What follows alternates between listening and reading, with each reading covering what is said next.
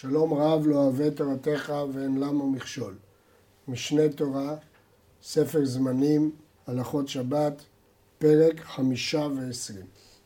בפרק זה נעסוק בדיני טלטול, מוקצה וטלטול כלי. יש כלי שמלאכתו להיתר, והוא הכלי שמותר לעשות בו בשבת דבר שנעשה לו, כגון כוס לשתות בו, או קערה לאכול בה, וסכין לחתוך בו בשר ופת, וקרדום לפצוע בו אגוזים וכיוצא בה. ויש כלי שמלאכתו לאיסור, והוא הכלי שאסור לו לעשות בשבת דבר שנעשה לו, כגון מכתשת וירחיים וכיוצא בהם, שאסור לכתוש ולטחון בשבת. אם כן, יש כלים שייעודם בדרך כלל הוא לענייני היתר, ויש כלים שייעודם בדרך כלל הוא לענייני איסור. כל כלי שמלאכתו להיתר, בין היה של עץ או של חרס או של אבן או של מתכת, מותר לטלטלו בשבת. בין בשביל עצמו של כלי, כלומר שלא ייגנב, בין לצורך מקומו, כלומר שהוא צריך להניח משהו במקום שלו, בין לצורך גופו, הוא צריך להשתמש בו לאיזושהי מטרה. וכל כלי שמלאכתו לאיסור, בין היה של עץ או של חרת, של אבנים או של מתכת, מותר לטלטלו לשבת, בין לצורך גופו, בין לצורך מקומו, אבל בשביל עצמו של כלי אסור. כלומר, כלי שמלאכתו לאיסור, התירו אותו או לצורך גופו, לעשות בו מלאכת היתר, או לצורך מקומו, שהוא תופס מקום. נלמד בהמשך שאם כבר התירו לטלטלו לצורך גופו ומקומו, הוא יכול לקחת אותו לכל מקום, ככה פוסקים כותבים. לעומת זאת, כלי שמלאכתו להיתר מותר לא רק לצורך גופו ומקומו, אלא גם לצורך הכלי, שלא יימס בשמש או שלא ייגנב, גם כן מותר. משמע מכאן של, שלא לצורך כלל אסור אפילו כלי שמלאכתו להיתר, סתם לטלטל כלי. בתוספות אומרים שכלי מאכל בכלל לא היו בכלל בגזרה, ולכן לכאורה בהם אפילו שלא לצורך כלל מותר. אבל הרמב"ם הזכיר כוס וקערה ככלי שמלאכתם להיתר, ומשמע שלא לצורך כלל הם יהיו אסורים. כיצד? מטלטלו את הקערה של העץ לאכול בה, זה צורך גופה, או לשב במקומה, צורך מקומה, או כדי שלא תיגנב, והוא בשביל עצמו. וכן אם טלטל אותה מן החמה, כדי שלא תשבש ותישבר, או מן הגשמים, כדי שלא תטפח ותיפסד, הרי זה טלטול בשביל עצמה ומותר, מפני שמלאכתה להיתר. עכשיו, כלי שמלאכתו לאיסור, וכן מטלטלו את הרחיים או את המכתשת לשבר על האגוזים, או לעלות עליה למיטה, זהו לצורך גופו, או לשב במקומה, זהו צורך מקומו, אבל אינו מטלטלה כדי שלא תישבר, כדי שלא תיגנב, כי זה כלי שמלאכתו לאיסור, לא התירו לצורך עצמו. וכן כל כיוצא בזה, הכוונה שישנן דוגמאות נוספות בגמר. בחמשת ההלכות הללו דיברנו על טלטול כלים, שהיא גזירת נחמיה בן חכליה. עכשיו נדבר על דבר שאיננו כלי, וכל שאינו כלי, כגון אבנים ומעות וקנים וקורות וכיוצא בהם, אסור לטלטלה. כל ההיתרים שאמרנו קודם זה בכלים, אבל דבר שהוא חפץ, הוא לא כלי, אסור לטלטלו. אבן גדולה או קורה גדולה, אף על פי שהיא ניטלת בעשרה בני אדם, ולעניינים מסוימים לא דנים אותה ככלי, אם יש בה תורת כלי עליה מטלטלים אותה, לעניין מוקצה היא נחשבת לכלי, אפילו שהיא כלי כבד. דלתות הבית, אף על פי שהם כלים, לא הוכנו לטלטול, הם לא מיועדים לטלטול. לפיכך אם נתפרקו, אפילו בשבת, אין מטלטלים אותם.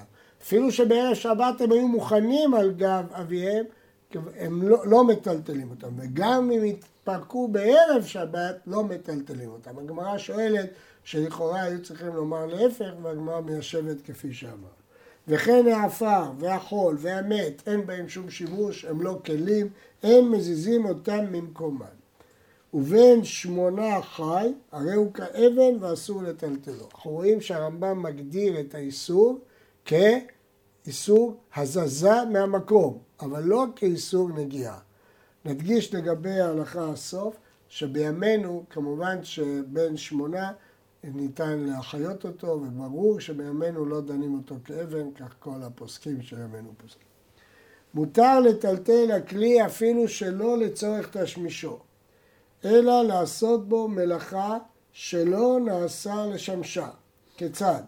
נוטל אדם כורנס לפצוע בו אגוזים, קרדום לחתוך בו דבלה, מגרה לגור בה את הגבינה, מגרפה לגרוב בה את הגוגות, את הרחת ואת המזלג לתת עליו אוכל הקטן, את הכוש ואת הקדקד, יש גרסה כרכר, לדחוף בו, מחט של שקאים לפתוח בו את הדלת, את המכתש את השם וכן כל כיוצא בהם.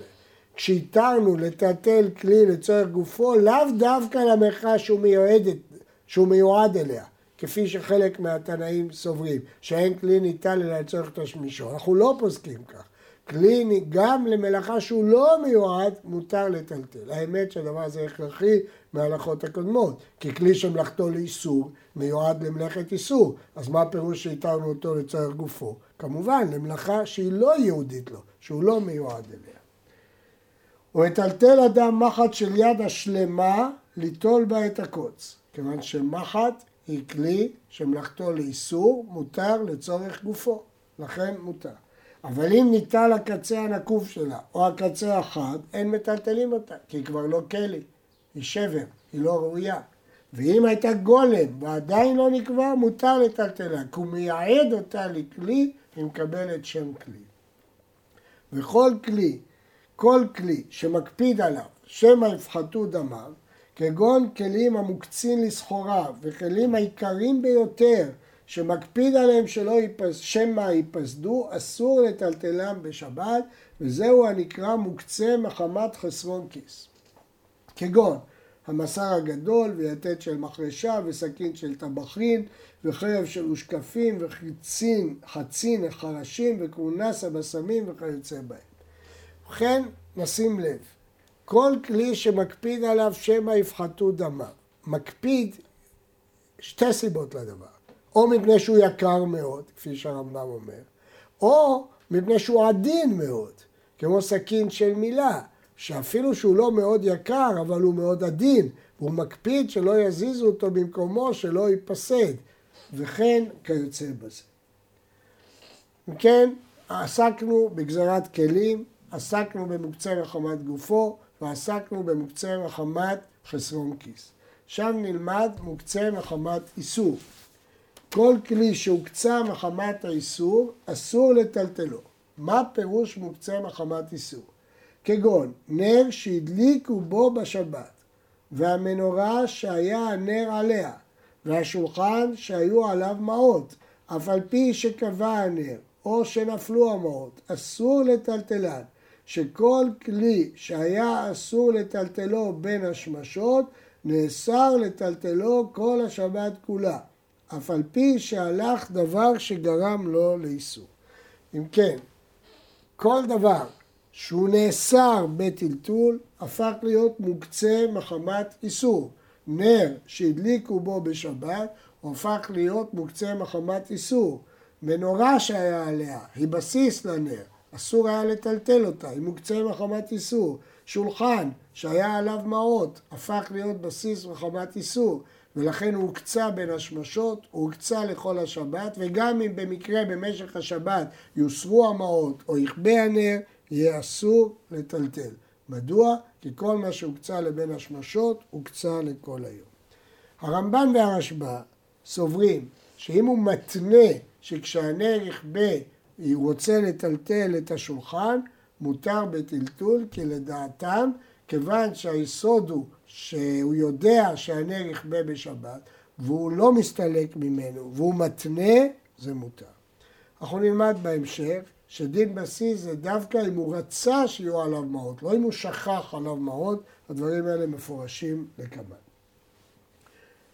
הלכה י"א זה סוג חדש של מוקצה, אבל כלי המוקצה מחמת מיאוס, כגון נר ישן של נפט וכלי הצואה וכיוצא בהם, מותר לטלטלן בשבת אם הוצרך להם. אנחנו פוסקים כרבי שמעון שאין מוקצה, רבי שמעון חולק במוקצה מחמת מיאוס, סובר שהוא לא מוקצה והלכה כדבריו, ולכן אין מושג של מוקצה מחמת מיאוס. יש להעיר שהרמב"ם אומר אם הוא צרך להם, משמע ששלא לצורך כלל, אסור. כל הכלים הניטלים בשבת, שנתפרקו דלתותיהם, כגון דלתות תיבה ומגדל, בין שנתפרקו בשבת, בין שנתפרקו קודם השבת, מותר לטלטל אותם דלתות. כלומר, כל הכלים ניטלים בשבת, כתוב במשנה, ודלתותיהם עמהם, אף על פי שנתפרקו בשבת, שאינם דומים לדלתות הבית. וכן כל הכלים הניטלים בשבת שנשברו, בין קודם שבת, בין בשבת, שבריהם ניטלים, והוא שיהיו עושים מעין מלאכה. כיצד? שברי ערבה לכסות בהם את פי החבית, שברי זכוכית לכסות בהם את פי הפח, וכן כל כיוצא בזה. אבל אם אין השברים ראויים למלאכה כלל, אסור לטלטלה. במשנה ישנה מחלוקת תנאים, האם צריך שיהיו ראויים דווקא למלאכתן, או אפילו מעין מלאכה בכלל. האם מעין מלאכתן או מעין מלאכה. ההלכה היא מעין מלאכה. אבל אם אי אפשר לעשות איתם שום דבר, ודאי שהם הפכו להיות מוקצים. כל כיסויי הכלים ניטלים בשבת, והוא שיש תורת כלי עליהם. היה כלי מחובר בקרקע, כגון חבית התמונה בארץ. אם יש לכסוי שלה בית אחיזה, מטלטלים אותו, ואם לאו, אין מטלטלים אותו. וכן כסויי הקרקעות כגון בורות וחריצים, אין מטלטלים כסוי שלהם, אלא אם כן יש לו בית אחיזה. כסוי התנור, אף על פי שאין לו בית אחיזה, מותר לטלטלו. שלוש הלכות נאמרו בהלכה הזאת. כיסוי של כלי, מותר לטלטלו אם יש עליו תורת כלי, אם הוא ראוי לכלי. מה פירוש תורת כלי? האם צריך שהוא יהיה ראוי לתשמיש נוסף, או עצם העובדה שהוא תמיד מיועד לכיסוי תורת כלי עליו. רש"י מפרש שצריך שיהיו ראויים לתשמיש נוסף. רבנו תם מסתפק בדבר ואומר אם ייחד אותו לכיסוי לשם כיסוי, זהו כלי. קשה לדייק בלשון אה, הרמב"ם. אז זה הסוג הראשון. הסוג השני, חבית התמונה בארץ וכן כיסויי בורות וחריצים, אין מטלטלים אותם אפילו שהם ראויים לכיסוי, הם כלים, אלא אם יש להם בית אחיזה. זה דין שני. הדין השלישי הוא דין כיסוי התנור. שמותר לטלטלו אפילו שאין לו בית אחיזה. כולם מקשים, מה נשתנה התנור? הרי התנור הוא כלי שמחובר לקרקע, ודרשנו בכלי המחובר לקרקע שיהיה בית אחיזה. אם כן, מדוע בתנור אין צורך? המגיד משנה אומר שלא כל כלי המחובר בקרקע גזרו, אלא רק שטמון בתוך הקרקע, ולא רואים את כולו. אחרים מתרצים, הראב"ד, שמדובר בתנור תלוש שחיבר אותו לקרקע.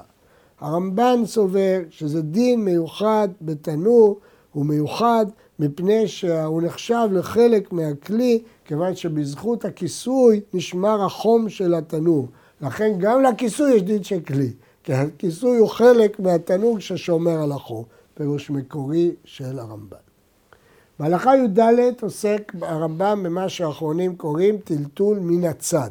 נשים לב להגדרת הרמב"ם המדויקת. שני דברים, אחד אסור לטלטלו, ואחד מותר לטלטל, והם סמוכים זה לזה, או זה על זה, או זה בזה, ובזמן שמטלטל אחד מהם, יטלטל השני. כלומר, מדברים פה על כך שהוא מטלטל את הדבר המותר, אבל בהכרח ינוע גם הדבר האסור, כי הוא נמצא עליו, או סמוך לו, או צמוד אליו, או מסובך בו, ולכן תמיד אתה תטלטל את הדבר האסור. אבל אתה לא טלטלת את הדבר האסור, טלטלת את הדבר המותר. זה נקרא טלטול מן הצד. מה הדין? פוסק הרמב"ם. אם היה צריך לדבר שמותר לטלטלו, אם מטרת הטלטול שלך היא הדבר המותר, מטלטלו. ואף על פי שדבר האסור, מיטלטל עמו. אבל אם המטרה שלו היא הפוכה, לטלטל את הדבר האסור, אם היה צריך לטלטל את האסור, לא יטלטלו באותו דבר המותר. למרות שמה שאתה מניע זה את הדבר המותר, כיוון שמטרתך היא הדבר האסור, אסור. כיצד? פגע שהייתה תמונה בתבן, בחררה, שהייתה על גבי גחלים, והוא רוצה להוציא אותה. תוכבן בכוש או בקדקד ונוטלן, יכול לנעוץ מזלג וליטול אותם, למרות שכשהוא ייטול אותם, גם התבן שראוי להסקה והוא מוקצה, אסור לטלטלו, גם הוא יטלטלו. אף על פי שהתבן מגחלים לנערים בשעת נטילה. צריך להגיד שמדובר בתבן שלא ראוי למאכל בהמה, אחרת הוא איננו מוקצה. וכן לפת או צנונות שהיו תמונות, תמונים בעפר, ומקצת העלים מגולים, שומתן בשבת בעלה שלהם, אף על פי שהעפר ננער. הוא רצה לשמר את הצנון, הוא שם אותו קצת בעפר, בטיט, כדי לשמור אותו, לא מחובר לאדמה, בטיט תלוש. והוא רוצה עכשיו לקחת את הצנון באמצעות אחיזה בעלה שלו. אבל ברור לו שגם הדבר המוקצה יטולטל לעפר, מותר, כי מטרתו הדבר המותר. אבל אם היה כיכר או תינוק על גבי האבן או על גבי הקורה, לא יטלטל האבן או הקורה בכיכר או בתינוק שיש עליה. וכהן כל כיוצא בזה. לטלטל דבר האסור למטרת דבר האסור, לא. הוא רוצה לטלטל אבן. אלא הוא רוצה לנצל את העובדה שיש על האבן דבר מותר. זה אסור. למרות שיש כיכר על האבן, אבל אתה לא צריך עכשיו את הכיכר. אתה מטלטל כדי לטלטל את האבן. לא במקרה הביא הרמב"ם את הדוגמה של כיכר או תינוק, מפני שכיכר או תינוק הותרו במת. אבל זה היתר מיוחד לטלטול מת שלמדנו אותו כבר, טלטל מת על ידי כיכר או תינוק, אבל לא התירו בדברים אחרים, כי זה טלטול מהצד לצורך דבר האסור. מדוע דרשנו בצנון שמקצת העלים יהיו מגולים? כדי שלא ייראה כעושה גומה. בגחלים שהתרנו, צריך לומר גחלים כבויות, אחרת כמובן שאסור מדין מלבה גחלים, מבעיר. מה שהתרנו אה, ליטול את הפגה, תמונה בתבן, למה לא נחשב הדבר לבסיס לדבר האסור? אם הוא הניח בכוונה, יש מתרצים פני שאוכל לא נעשה בסיס, ואפשר לתרץ שהוא לא הניח את זה בכוונה שיהיה בסיס. ט"ז נוטל אדם את בנו שיש לו געגועים עליו, והאבן בידו, אבל לא דינר. מה ההבדל בין אבן או דינר?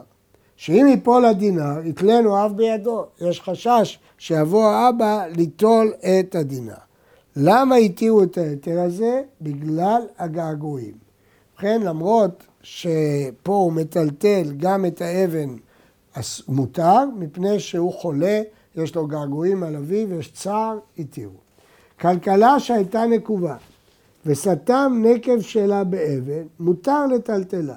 מה ההיתר כאן? שהאבן נעשית כדופן. האבן הפכה להיות חלק מהכלי, אז מותר לטלטל את הכלי.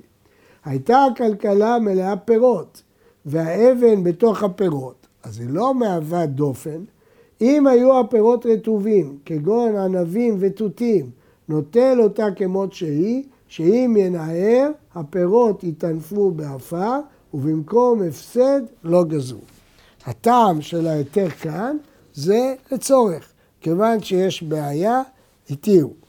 פסק זה של הרמב"ם נראה כסותר את סוגיית הגמרא, שמשמע שהיא מאמצת רק את התירוץ שהאבן נעשית דופן, ולא את ההיתר שמא יטנפו הפירות, וכך הקשו על הרמב"ם המפרשים.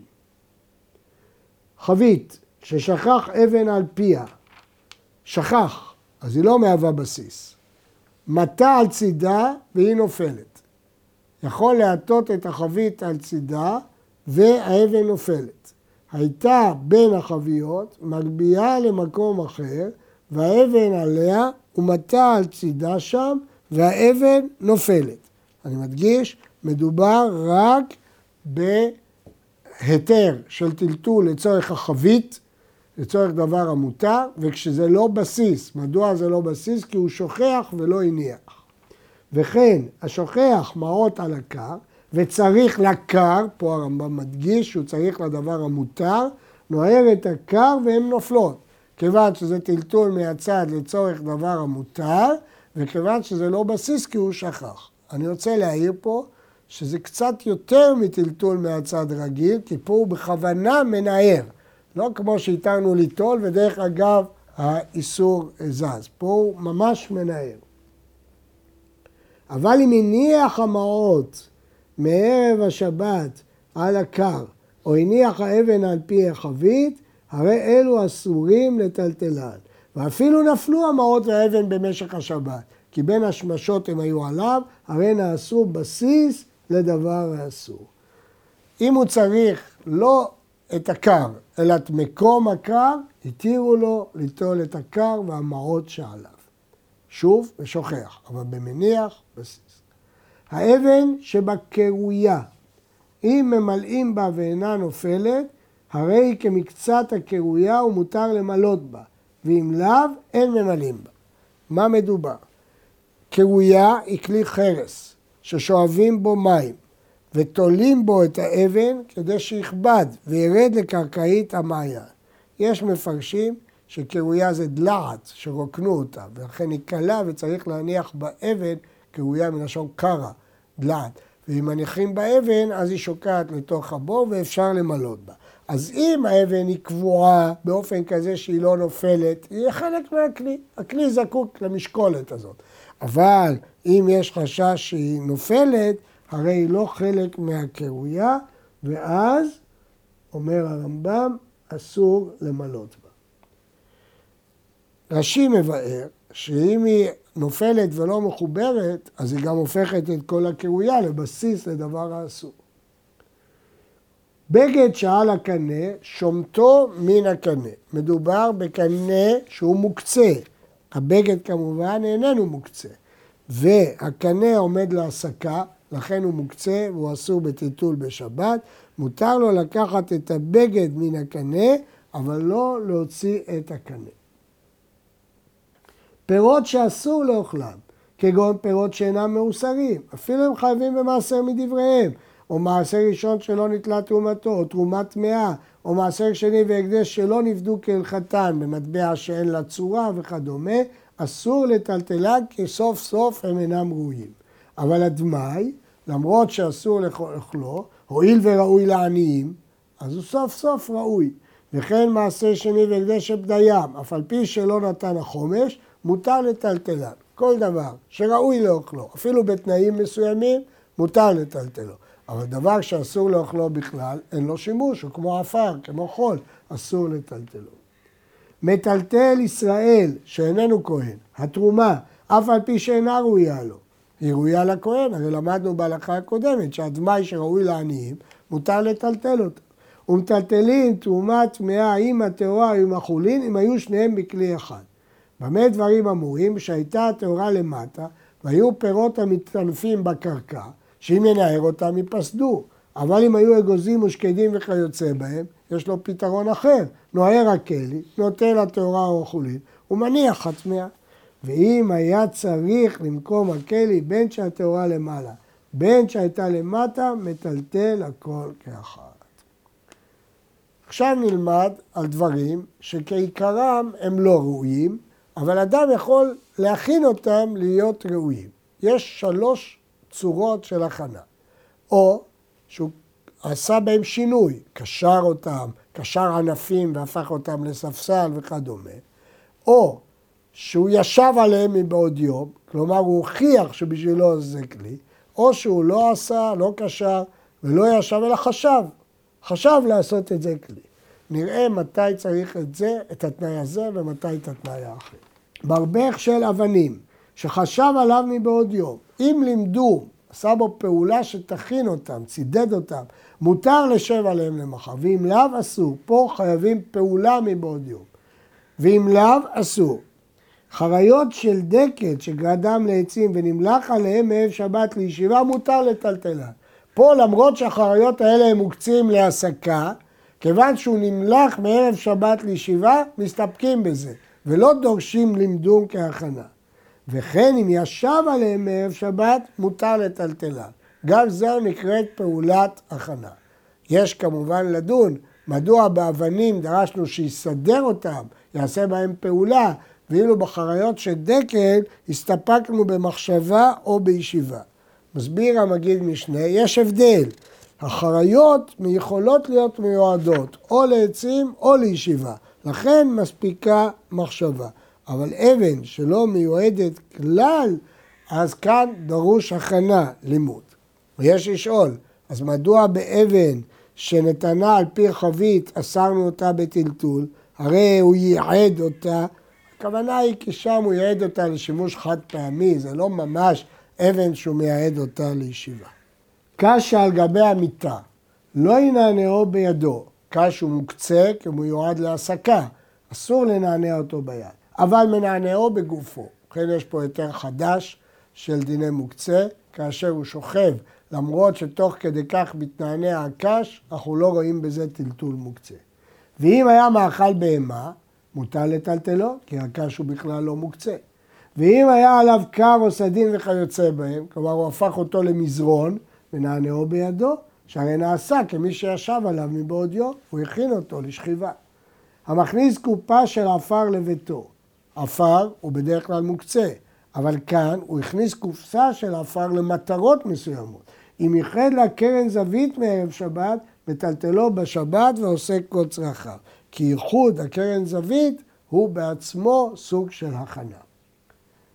אסור לבטל כלי מהכנו, מפני שהוא כסותר. כיצד? לא ייתן כלי תחת הנר בשבת לקבל את השמן הנוטף, שהשמן שבנר אסור לטלטלו, וכשייפול לכלי יאסר טלטול הכלי שהיה מותר, וכן כל כיוצא בזה.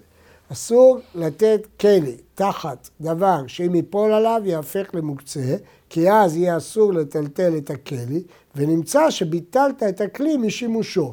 ואם נשאלנו מה יש אם ביטלתי את הכלי משימושו, ובכן, יש שאומרים שהוא סותר בכך שהוא מבטל את הכלי משימושו, הוא כסותר, כך כותב הרמב"ם, מפני שהוא כסותר. יש שאומרים להפך, מפני שהוא כבונה, כמחבר אותו לקרקע. אבל פירוש הרמב"ם סותר מפני שהוא הורס את הכלי. וכך כל ההלכות הבאות, נותנים, אה, אין נותנים כלי תחת התרנגולת לקבל ביצתה, אבל כופהו את הכלי עליה. למה? ההלכה היא שכלי ניטל אפילו לצורך דבר שאינו ניטל. דחינו את דברי החולק. אבל לא נותנים כלי תחת הביצה, כי בזה הוא מבטל כלי מהיכלו.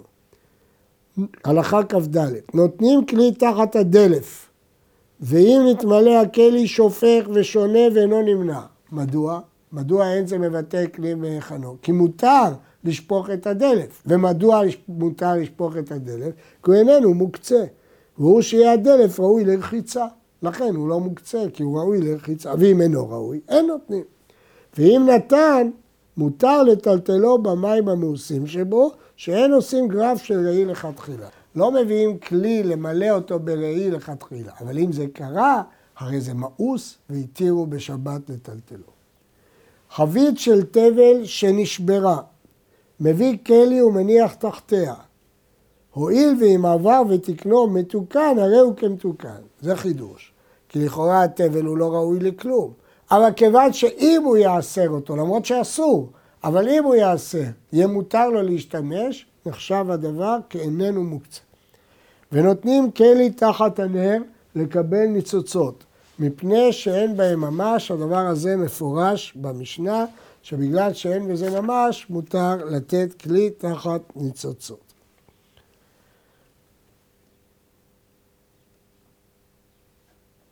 ומותר לטלטל הכלי.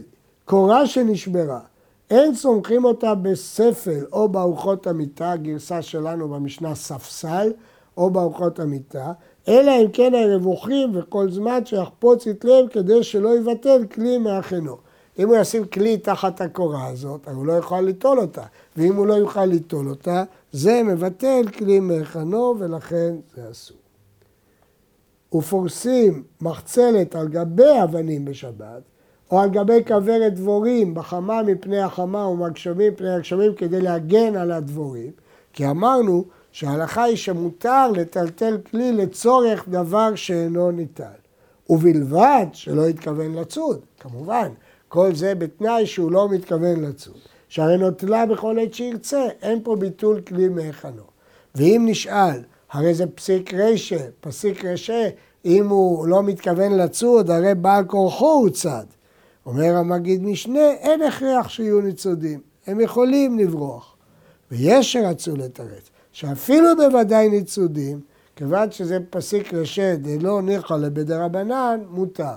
אבל זה לא טוב ברמב"ם, כי הרמב"ם לא הזכיר בשום מקום את הדין שלא נחלה.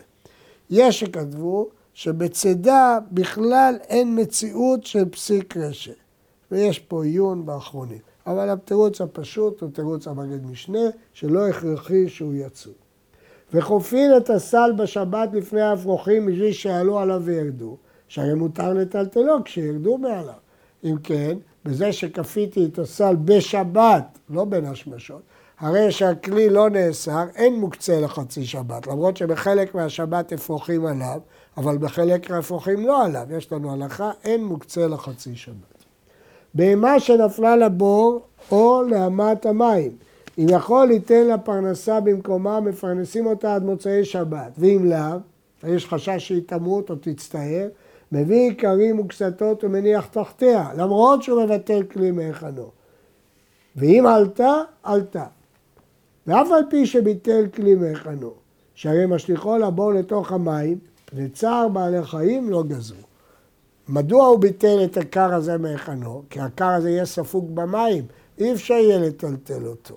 אפילו שנאמר שזה שהבהמה תעלה עליו, לא תאסור אותו, כמו האפרוחים, שחלק מהשבת לא עושה כלי מהיכנו. אבל סוף סוף הכלי הזה ייהרס. בכל זאת, התירו מפני צער בעלי חיים. צער בעלי חיים הוא דאורייתא לפי הרמב"ם, ולכן הגזרה נדחית מפניו. ואסור להעלותה בידו.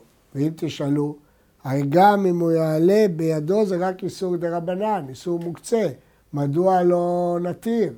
אה, מחוץ לבור זה כרמלית, זה לא נקרא שהוא מוציא מרשות לרשות. מדוע לא יתירו את איסורי חכמים מפני צער בעלי חיים דאורייתא? כי אלה איסורי חכמים שקשורים למלאכות מהתורה, את זה לא התירו. וכן אין עוקרים בהמה חייב העוף בחצר, אבל דוחים אותן עד שייכנסו. משמע שזה מדיני מוקצה, שמותר לדחות אבל לא לעקור. ומדדים עגלים וסייחים. תרנגולת שברחה, אין מדדים אותה, מפני שהיא נשמטת מן היד ונמצאו אגפיה נתלשים, אבל דוחים אותה עד שתיכנס. יש חשש שכשהוא ידחף את התרנגולת, הוא יאחז בכנפיה והיא תיאבק והכנפיים שלה ייתלשו. יש חולקים ואומרים שיש פה טעמים אחרים, אבל זה דעת הרמב"ם, שזה מקפיאה נפשה, זה לשון הגמרא, נאבקת ומתחזקת, ועל ידי זה ייתלשו הכנפיים, ודבר זה אסור מפני גוזז, כפי שראינו כבר.